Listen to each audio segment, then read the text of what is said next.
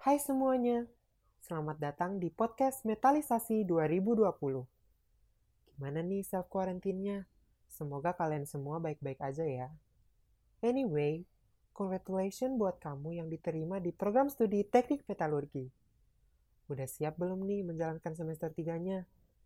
Nah, untuk mempersiapkan kalian kuliah di teknik metalurgi ITB, yuk sambil dengerin IGTV Mas Imam Santoso selaku dosen teknik metalurgi ITB dan Bang David selaku alumni Teknik Metalurgi ITB angkatan 2008. Halo, Halo Mas Imam. Mas David, gimana kabarnya, Bos? Baik, baik Mas Imam. Jam baik. berapa di sana? Kan Mas Imam. Hah? Kenapa? Jam berapa di sana? Jam berapa di sana? Di sini jam 3, Mas. Jam 3 siang. Jadi selisih berapa jam, jam 3 kita siang. ya? Selisih 4 jam kita ya. Oh ya, itu kelihatan mataharinya terang banget kan? Dan Benar, benar. Ini beberapa hari ini emang mataharinya terang terus ya. Jadi orang-orang senang keluar gitu. apalagi bentar lagi kan Uh-uh. uh, midsummer kan, jadi nggak ada malam sama sekali. Iya. Benar, Hati- benar. Hati-hati Un- nanti nggak bisa nggak bisa tidur kayak aku lagi di sana. Iya benar, benar, benar. Itu emang musuh banget kan. Soalnya kalau masalah tidur itu kan orang harus apa ya? Harus nyari eh, gorden yang benar-benar gelap gitu bisa ngalangin cahaya matahari. Kalau enggak eh, susah tidur. Oke. Pasti itu susah tidur. Oke, baik. Oke, Em, Mas kita mulai Imam. saja. Pertama-tama saya akan memperkenalkan kepada para penonton siapa Bang David ini, oke? Jadi Bang David ini, guys, saat ini sedang menempuh S3 di Finlandia. Jadi dulu beliau itu eh, S2-nya dapat beasiswa dari LPDP untuk mengambil master kalau tidak salah tentang sustainable metallurgy. David, apa David? Masternya dulu. Iya, Sustainable Metals Processing temanya. Oh ya, gitu sih, nama sustainable metal processing. Nanti sedikit Iya. bercerita aja sih. Kenapa kok sekarang sustainable? Siap. Emang dulu emang dulu nggak sustainable? Apa sih bedanya gitu juga kan? Habis itu Iya, Bang iya, ini lu- ini lulus dengan nilai yang sangat bagus sehingga langsung aja direkrut oleh Alto, dia dapat pekerjaan gitu ya. Kan kalau S3 di sana itu kan digaji kita kita kan. Jadi Mas David ini Iya. karena selama master dia bagus performanya, Buset, dia buset. langsung direkrut oleh oleh profesor Bagus, untuk eh, ngambil S3. Dan juga Mas David ini eh, ketua PPI Finlandia. Jadi nanti kalau ada adik-adik atau teman-teman yang ingin menanyakan tentang kuliah di Finlandia itu bagaimana, apa sih bagusnya di Finlandia? Kan orang tahunya Finlandia kan negara paling bahagia, sistem pendidikan Iya, benar, benar. Banyaknya begitu Indonesia taunya. eh, eh. Eh, tapi by the way suara saya kedengaran dengan jelas. Jelas Mas, kalau dari aku sih jelas. Oke, oke, oke. Jadi Clear. kita akan kita akan bahas semuanya. Dan sebelum ke sana, sebelum sekolah, Mas David ini kan dulu kan sebagai pernah meniti karir sebagai profesional, yaitu di Krakatau Posko, which is uh, Krakatau one of the biggest, yeah, which is one of the biggest steel company in the world, Posko gitu, from Korea and joint venture with BUMN kita kan, Krakatau Steel. Yes. Krakatau Posko, di sana ada Blas Furnace, dan Bang David juga udah empat tahun di sana kan. Nanti bercerita Iya, gitu kan. Kenapa sih dulu habis lulus S1 kenapa kerja gitu loh. Terus kenapa keluar dari kerja, terus kenapa sekolah. Terus kalau aku nih anak S1 nih. Aku tuh enaknya sekolah dulu atau kerja dulu gitu Bang David. Oke ya. Mungkin langsung aja Bang. Pertanyaan yang paling fundamental. Bang David kan dulu setelah lulus dari ITB metalurgi kerja gitu kan. Apa Benar, yang ya. ada, apa yang ada di pikiran kamu saat itu? Aku oke deh, aku pilih kerja. Aku nggak mau sekolah. Kenapa? Nah, sebenarnya waktu itu eh, aku tuh orangnya dari S1 tuh banyak terinspirasi oleh dosen ya. Aku nggak mau nyebut namanya siapa gitu. Jadi eh, dosen ini nih bilang bahwa maksudnya mencari pengalaman kerja itu penting gitu. Karena dulu waktu aku S1 itu tuh mindsetku itu ini ini bukan untuk ditiru ya. Ini bener bukan untuk ditiru. Mindset Kalau itu lebih kita- banyak untuk kita black Oh, iya. mau ngomongin dosen juga. Iya. Iya, iya. Oh, mindsetku itu waktu S1 itu lebih lebih penting soal organisasi. Mm-mm. Jadi lebih banyak organisasi eh, apa istilahnya jadi eh, fans para gadis ITB kalau nggak salah kan. Enggak, enggak, enggak, enggak, enggak, Oke, enggak. oke. Lebay, itu masih lebay. Ya itu lebay organisasi, itu gaul sama orang, maksudnya eh, tentang bagaimana koneksi relasi kita sama orang, bagaimana mengatur, memanajemen, hal seperti itu. Buku-buku yang aku baca juga kebanyakan buku-buku tentang organisasi, kepemimpinan, DLL, DLL. Jadi waktunya pun aku eh, arahnya ke kerja itu tuh ke- karena emang udah banyak kan stigma muncul bahwa kalau kalau kamu mau mau kerja, kalau lu misalnya mau mau kerja bagus kayak gitu, banyak-banyak organisasi. Jadi salah satunya sebenarnya aku tuh emang udah pikirannya tuh kayak pengen kerja dulu ah kayak gitu. Tapi sebenarnya bukan berarti aku nggak pengen S2. Aku juga sebenarnya memang udah ada keinginan untuk S2. Tapi kenapa aku kerja dulu? Nah, di situ ada momentumnya sebenarnya. Waktu aku lulus itu, itu berdirilah sebuah perusahaan yang namanya Krakatau Posko. So, tadi Lalu kan, dosen- karena ada faktor dosen, iya.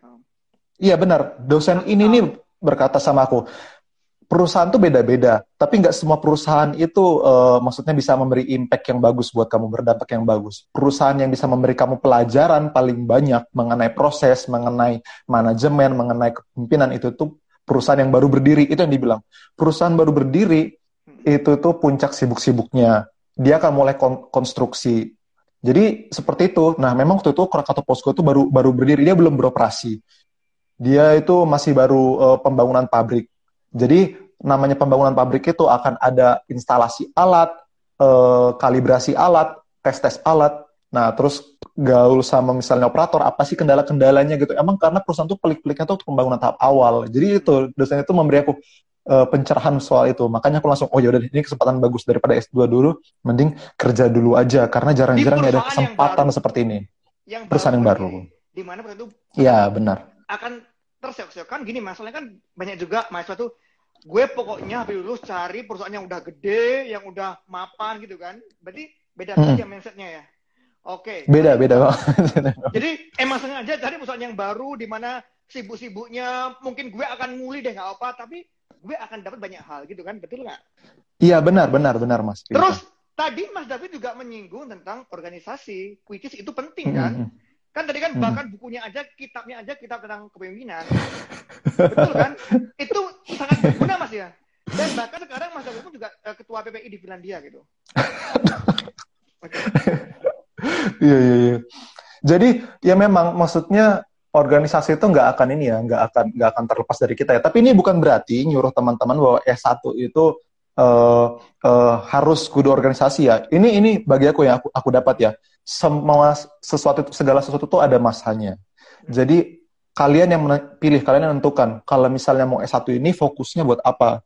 Eh, nanti kalau misalnya S2, misalnya S2 fokusnya buat apa? Kerja misalnya nanti fokusnya itu buat apa? Fokus tuh macam-macam. Misalnya fokusnya mau usaha.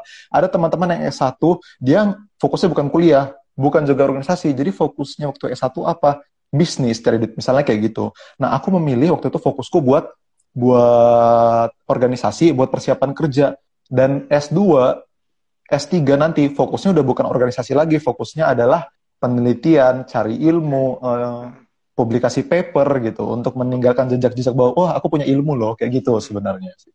Oke Mas, Mm-mm. so tadi Mas David berarti kan mem- memang ada momen kan, terus ada dosen yang bilang ya udah kalau mau belajar dan ingin kerja itu ada posko yang baru berdiri, itu tempatnya belajar. Iya benar, But benar. at some point setelah bekerja sekian lama dan sudah boleh dibilang karirnya udah bagus jadi supervisor, kenapa kok you decide to quit? Iya itu dia. itu kenapa ya? Terus itu tuh kayaknya efek kebanyak. Terus kamu telepon gua, Mas, gue ke Finlandia. Why? Why? You have such Itu tuh kayaknya efek- career." Iya, kenapa? Itu efek kebanyakan buku kayaknya. Ef- efek itu efek kebanyakan buku maksudnya. Jadi beberapa buku tuh ada yang misalnya ngasih istilah. Dari yang paling dalam ceritakan apa? Iya iya.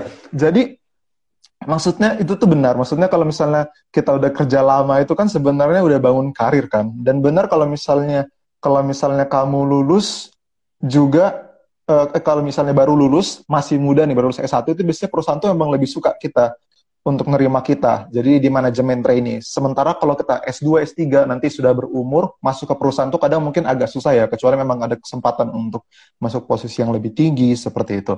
Tapi kalau misalnya aku sendiri sebenarnya nggak ada yang terlalu muluk-muluk sih. Istilahnya itu kayak sudah impian, bener.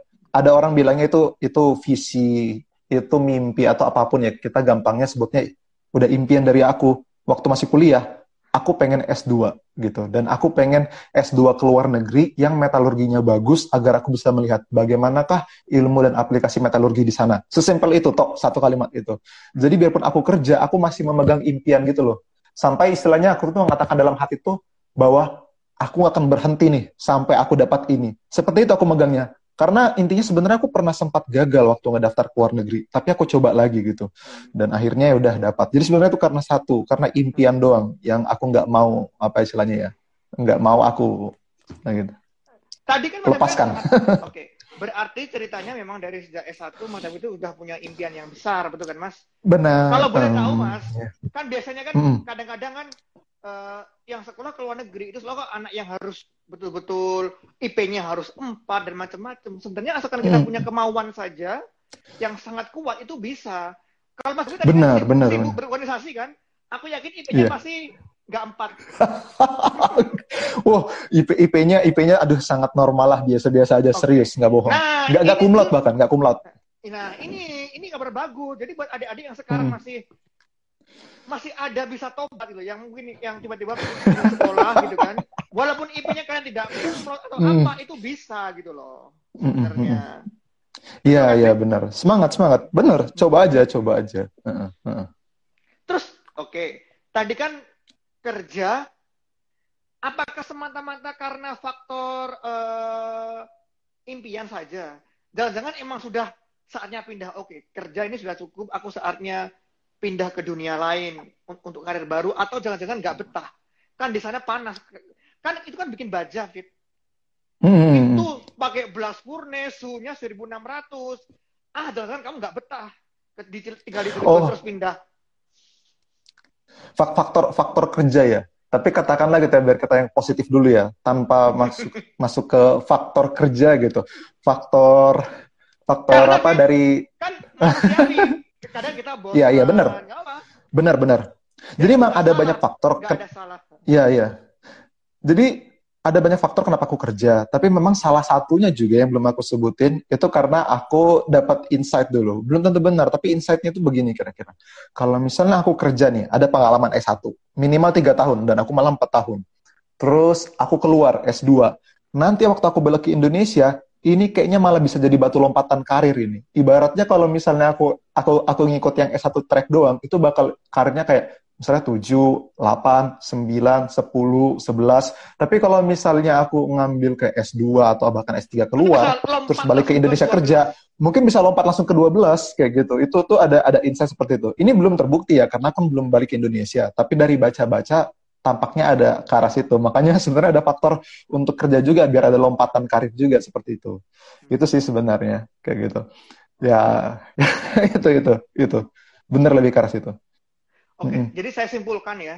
Jadi dulu pertama Mas tapi lulus kuliah karena emang belajar di perusahaan baru. Karena perusahaan baru mm -hmm. itu adalah tempat belajar.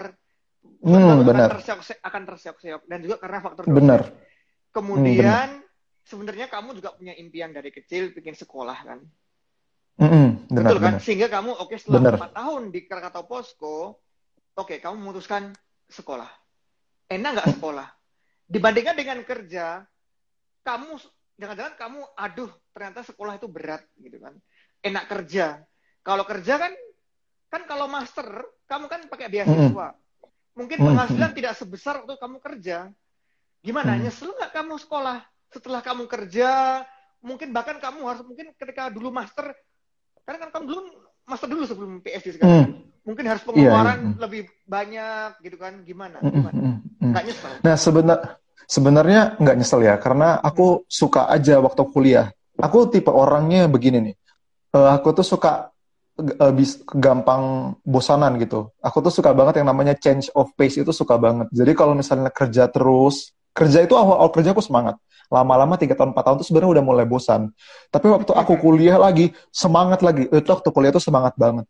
Nggak apa ya uh, bangun pagi itu sekitar jam jam lima aku ingat. Bangun pagi itu hampir setiap hari jam lima kadang jam setengah lima. Itu langsung mulai masak terus siap-siap untuk kuliah kuliah bawa bekal bawa ayam beracun. Nah itu itu kuliah pulang kuliah pun aku nggak pernah hampir nggak pernah hiburan. Aku belajar lagi ulang lagi. Catatan salin lagi. Jadi nyata tuh sampai dua kali salin lagi rapiin lagi sampai jam 11 jam 11 teng baru aku tidur. Itu tuh wah rajin banget. Selama dua tahun aku tahan kayak begitu. Maksudnya aku tuh orangnya yang kalau masuk ke baru, mungkin banyak juga sih orang seperti ini. Jadi masuk ke tempat baru itu semangat, masuk ke tempat baru itu semangat, recharge lagi, recharge lagi. Jadi emang orangnya itu nggak nggak nggak tahan kalau misalnya stagnan di itu aja terus kayak gitu, nggak tahan banget okay. dengan rutinitas. Oke. Okay. Mas David kan kalau gua nih, kalau saya dulu mm -hmm. kan memang oke. Okay, mm -hmm. Setelah S1 sekolah gitu kan, nggak ada gap. Mm -hmm. Gue nggak ninggalin pelajaran sekian lama sehingga masih nyantol tuh masih oke okay, masih ingat lah. Tapi kan Bang David kan ditinggal tuh buku lama empat tahun kerja terus tiba-tiba hmm. sekolah nggak kaget. Hmm, hmm. kan udah nutup iya benar. empat tahun. Membuka, membuka lembaran baru lagi lagi. Enggak enggak kayaknya. Karena satu, satu hal yang bantu aku itu waktu uh, cabut dari kerjaan itu tuh ada sekitar selang waktu empat bulan apa? Empat bulan tuh aku pakai buat baca-baca lagi sih. Jadi bahan-bahan kuliah itu tak baca lagi. Kayak gitu selama empat bulan itu. Apa sih gitu. Utamanya kayak termodinamika uh, hidro piro metalurgi apa maksudnya metalurgi suhu tinggi suhu rendah ekstraksi itu tak baca lagi. Jadinya nge-refresh otak lagi sih gitu. Terus tapi emang benar kalau misalnya nggak baca itu kaget. Pasti pasti kenapa Mas David pilih Finlandia untuk masternya mm -hmm. dan kenapa milih mm. sustainable metallurgical process? Emang proses metallurgi itu gimana sih Mas? Kok ada yang sustainable dan nggak sustainable? Ini ini bisa kita masuk kenapa sustainable-nya sekalian ya mungkin ya. Mm -hmm. uh, ya. Jadi uh, sebenarnya salah satunya itu aku uh, awalnya itu dulu nggak kepikiran. Kenapa ke Finlandia? Iya ya. Oh iya ya, benar. Kenapa Finlandia dulu? Dulu sebenarnya nggak kepikiran ke Finlandia dan nggak terlalu tahu Finlandia itu apa. Cuma tahu bahwa di Finlandia itu ada hmm, kampus namanya Alto, Universitas Alto. Dan juga sempat ada profesornya kan yang yang berkunjung ke kampus S1 ke ITB dulu. Jadi, oh ini kayaknya benar nih sudah sudah kayaknya boleh nih soalnya bahkan profesor udah sampai sini, mungkin ada kerjasama yang baik gitu kan. Dan sebenarnya juga ada faktor dari wawancara kita ini saat ini, faktor dari Mas Imam ini ada nih sebenarnya. Jadi karena nanya-nanya sama dia gimana sih Finlandia, ini kayaknya dia meyakinkannya bagus banget. Tapi intinya gitu ada faktor dari Mas Imam yang ngebuka, oh Finlandia begini toh, begini toh. Jadinya akhirnya ya udah aku tetap ingin ke Finlandia seperti itu. Itu sih. Dan juga dan, di, diceritain dan dulu. Di, Finlandia uh, uh. negara metalurgi, di sana di sana hmm. lahirnya Autotech. Iya. Di sana Kayak gitu. lahirnya Kone. Kalian nggak tahu Kone. Jadi Finlandia itu bukan hanya karena Nokia saja ya, tapi banyak-banyak hmm. metal proses lahir di sana. Oke, okay, anyway. Banyak. Terus banyak. tadi tadi uh. lanjutkan tentang sustainable metallurgy. What is that? Ya, jadi intinya metalurginya kan mereka nggak ada yang metalurgi tok gitu nggak ada mereka adanya sustainable metals processing. Maksudnya karena Finlandia ini termasuk bagian dari uh, eh, EU ya, European Union.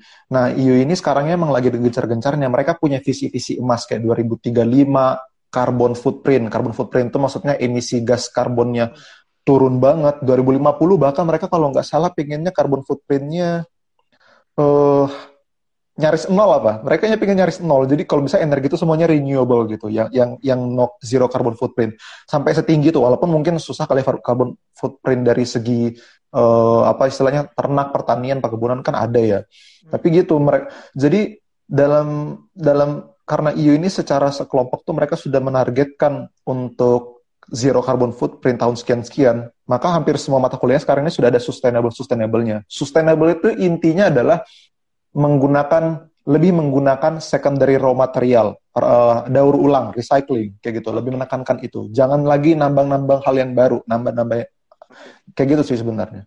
Itu intinya mas, dari sustainable okay. itu. Mas David, kalau ilmunya Mas, dibandingkan dengan di ITB dulu kan di Indonesia, mm -hmm. sebenarnya mm -hmm. apa yang kita pelajari di situ ketinggalan banget gak sih Mas? Jangan-jangan di sana udah belajar sampai langit ketujuh kita masih di lembah aja gitu loh. Kita oh, enggak. apa? kalau kalau bicara kalau bicara belajar, kalau bicara ilmu pengetahuan nih, ITB, dosen-dosen ITB itu luar biasa. Karena mungkin emang ah, bukunya ah, sama kali ya. ya. enggak serius, serius enggak, serius enggak. Karena mungkin masih menggunakan buku yang sama ya dan dan dosen kita juga uh, ya dosen kita juga hebat juga. Dalam artinya mereka nggak nggak terpatok lagi sama buku karena buku-buku itu dari zaman dulu. Mereka juga up to date dengan jurnal-jurnal paper terbaru. Jadi ilmunya sama aja. Aku lihat itu ilmunya sama aja. Cuman yang nge, yang yang ngebuat lebih asik itu adalah karena waktu apa, di kampus apa ini nih ya. bedanya nih? apa bedanya? Kan berarti Hmm. kan ke luar negeri pasti kan ada yang menarik gitu kan? Nggak mau gue udah nggak mau S2 di misalkan di Indonesia. Kenapa? Eh, apa bedanya? Oh, gitu. pasti ada beda pasti ada bedanya dong yang menarik tadi yang buat asik tadi apa cerita Nggak sebenarnya, sebenarnya yang membedakan tuh karena aku berpikirnya, oh mereka tuh negara lahir teknologi, Hmm. kan kayak gitu. Misalnya eh, copper smelting, eh, pengolahan tembaga itu dari si dari si ini, atau pengolahan besi dan baja ma-. Majunya di Jerman misalnya kayak gitu. Karena aku pikir mereka tuh negara pencetusnya, mereka pasti eh, ilmunya ke arah situ, fokusnya ke arah situ lebih maju. Dan memang kan kenyataannya memang di situ eh, Hmm. lebih lebih lebih bagus. Tapi itu kan bicara soal perusahaan ya Hmm. gitu bicara soal perusahaan. Kalau bicara soal kampusnya, ke- mereka tuh eh, kampus ini terkesan lebih maju sebenarnya gara-gara akses ke jurnal aja, akses ke jurnal, akses akses ke paper itu tuh juara. Itu tuh sebenarnya faktor yang gede banget. Kita bisa ngakses banyak ribuan, puluhan ribu paper dengan gratis dan kalaupun nggak ada atau masih berbayar, minta aja ke perpustakaannya gratis juga dapat. Itu tuh bener-bener luar biasa banget. Itu itu kan bisa Dan juga- dengan ilmu kemarin juga hari. Itu keren. fasilitas Benar, benar, benar. Labnya Tapi kalau- kalau ini Iya, itu pasti sih. Lab labnya wah iya jauh lah kalau itu labnya jauh lebih lebih canggih. Kita punya punya berbagai macam X-ray di Alto juga ada berbagai macam apa sih eh, scanning elektron alat-alat seperti itu. Itu furnace Ter- terlalu. Furnace. Furnace-nya banyak banget dan dan kondisinya masih bagus. Itu tuh hebat sih. Iya, unlimited bisa dipakai juga gitu. Mas David Eh, sekarang kan Mas David kan juga dulu S1 di ITB aktif berorganisasi bahkan Hmm. sekarang udah lulus S udah lulus S2 langsung direkrut oleh Alto untuk S3 sekarang Iya. jadi ketua PPI nggak takut sibuk mas nggak bingung ngat- ngatur waktunya bayangin S3 Eh. loh kamu harus paling PP terus kamu jadi ketua PPI loh PPI sebelah dia kamu nggak pusing Oh, eng- enggak. Jadi jadi untuk untuk untuk memberitahu teman aja ya. Maksudnya aku juga ngomong ke teman-teman waktu PPI Finlandia itu. Aku nggak ingin menceritakan sejarah terpilihnya itu gimana ya terpilihnya jadi ketua PPI jangan Finlandia. jangan jangan Tapi- jangan oke jangan, Oke. jangan. Tapi intinya simpelnya aja kenapa waktu kenapa kamu waktu mau jadi ketua sebenar eh, itu jangan mas, jangan jangan disebutkan itu juga Iya. Kalau gue itu itu bahaya itu bahaya. anak yang eh, oportunis ya udah gue fokus belajar aja karir. Kan berarti kan penting. Itu- kan? Sok, sok cerita. Nggak, eh, jangan kayaknya rahasia internal itu. Iya lah. Tapi in- inti intinya kayak gitu. Eh, in- oh boleh nggak ya diceritakan kayak gitu ya? Ya, ya, ya, ya. Oh, nggak apa ya? Jadi intinya sebenarnya waktu itu eh em, nggak ada yang mau juga kayak gitu. Karena nggak ada yang mau, jadinya udah dari- daripada organisasinya organisasinya stagnan nih, eh, maksudnya nggak ada yang ngisi, kasihan dong. Ya udah gitu. Jadi kalau bicara mau nggak ada yang mau, tapi ada aku kebetulan bersedia karena Oke, Iba hebat. juga eh, ka- karena karena ngeliatnya tuh nanti kayak kalau misalnya mati stagnan kasihan juga. Tapi walaupun aku jadi, aku juga ngomong sama teman-teman pengurus gitu bahwa aku nggak ingin eh, kita terlalu banyak di sini ya. Aku juga tadi aku bilang, aku udah tuntas dengan kehidupan berorganisasi di S1 menurutku aku udah udah udah cukup. CV ku juga isinya tuh organisasi-organisasi organisasi tahu melulu semua gitu loh. Tapi Sudah ini prestasi ya, mat- ibaratnya. udah membludak prestasi metalurginya malah nggak ada itu benar-benar bagi aku ada yang kurang makanya aku pengen S2 sama S3 ini fokusnya sebanyak mungkin paper dan papernya bagus juga nggak cuma asal banyak ya kayak gitu sebenarnya sih kayak gitu jadi aku bilang janganlah terlalu banyak kegiatannya gitu bahkan kalau bisa sedikit mungkin kegiatan untuk organisasinya kayak gitu ya untungnya lingkungannya mendukung lah teman-teman ini kayak gitu Terus Fit, kan kadang ada isu Hmm. eh lu jangan S3, nanti S3 pulang ke Indonesia nggak kepake, lu akan jadi peneliti gitu kan. Itu Uh. mindset yang salah dan harus diluruskan gitu kan. Kalau dari Hmm, tahu hmm. sendiri kan di luar negeri orang-orang yang bekerja di Autotech itu adalah engineer itulah S3 S3. Bahkan di Finlandia guru SD aja itu minimal S2 gitu loh. Jadi kayak di engineering Hmm. kan si Joseph Hanuyoto Hmm, itu kan hmm, S3 Mm-mm. di Hmm. Autotech. Nah, itu biasanya Hmm. kalau ah aku nggak mau ah nanti S3 kalau pulang Indo nggak kepake. Itu betul nggak sih, Mm-mm. Mas? Atau kayak itu mungkin betul atau gimana? Ungkapan-ungkapan Ya gitu. sebenarnya aku kan belum buktiin ya, belum buk, belum buktiin karena aku belum balik ke Indonesia. Tapi ekspektasiku nih, kalau misalnya negara semakin lama semakin berkembang, itu nanti kelak mereka akan sadar bahwa intinya ya mereka butuh yang lebih nggak dari yang sekarang gitu untuk mengisi posisi-posisi strategisnya, posisi-posisi uh, istilahnya apa ya orang berilmunya ya biar standar perusahaan mereka naik. Ya aku sih harapannya itu diskusi sama orang kan, termasuk sama Mas Imam juga bahwa nanti S3 itu kalau akan dibutuhkan kayak gitu sama Indonesia. Walaupun mungkin nanti ibaratnya mereka nggak mau ngasih gaji ya kalau bicara gaji nih nggak mau ngasih gaji yang terlalu tinggi untuk para S3-nya. Tapi kalau misalnya kita bersedia ya udah deh gajinya gaji S2 aja kayak gitu, gaji S2 aja. Oh ya udah mungkin aja ya? nanti kita bisa hmm. dapatkan posisi itu karena mereka senang dong di gaji S2 tapi uh, bisa udah kemampuannya S3, kemampuan S3 gitu kan kayak gitu. Ya, kenyataannya juga teman-teman yang yang dapat posisi bagus di perusahaan itu ya mereka rata-rata semua S2 kan intinya berarti perusahaan itu semakin bergerak ke arah situ kan sebenarnya Indonesia. Semakin nanti teknologi kita sains kita berkembang mereka akan butuh standar yang lebih untuk mengisi posisi-posisi yang lebih tinggi itu. Ini bicara soal posisi dan karir dan gaji ya untuk teman-teman kayak gitu.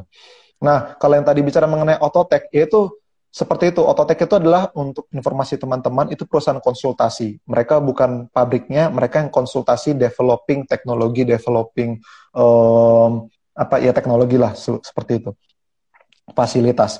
Itu apalagi itu untuk semua standar minimumnya S3 untuk semua tenaga ahlinya untuk para pemikirnya standarnya S3. Jadi nggak boleh di bawah S3 seperti itu. Kalau perusahaan teknologi konsultan rata-rata seperti itu. Cuman kalau untuk perusahaan yang produk produsen yang manufakturnya pabriknya itu mungkin mereka untuk posisi strategisnya S3 lah. Untuk untuk staff-staff biasa S1 kayak gitu sih. Nah, gimana nih teman-teman? Insightful dan seru banget ya pembicaraan Mas Imam dan Bang David tadi. Semoga bisa bermanfaat buat kalian semua ya. See you di podcast Metalisasi 2020 selanjutnya.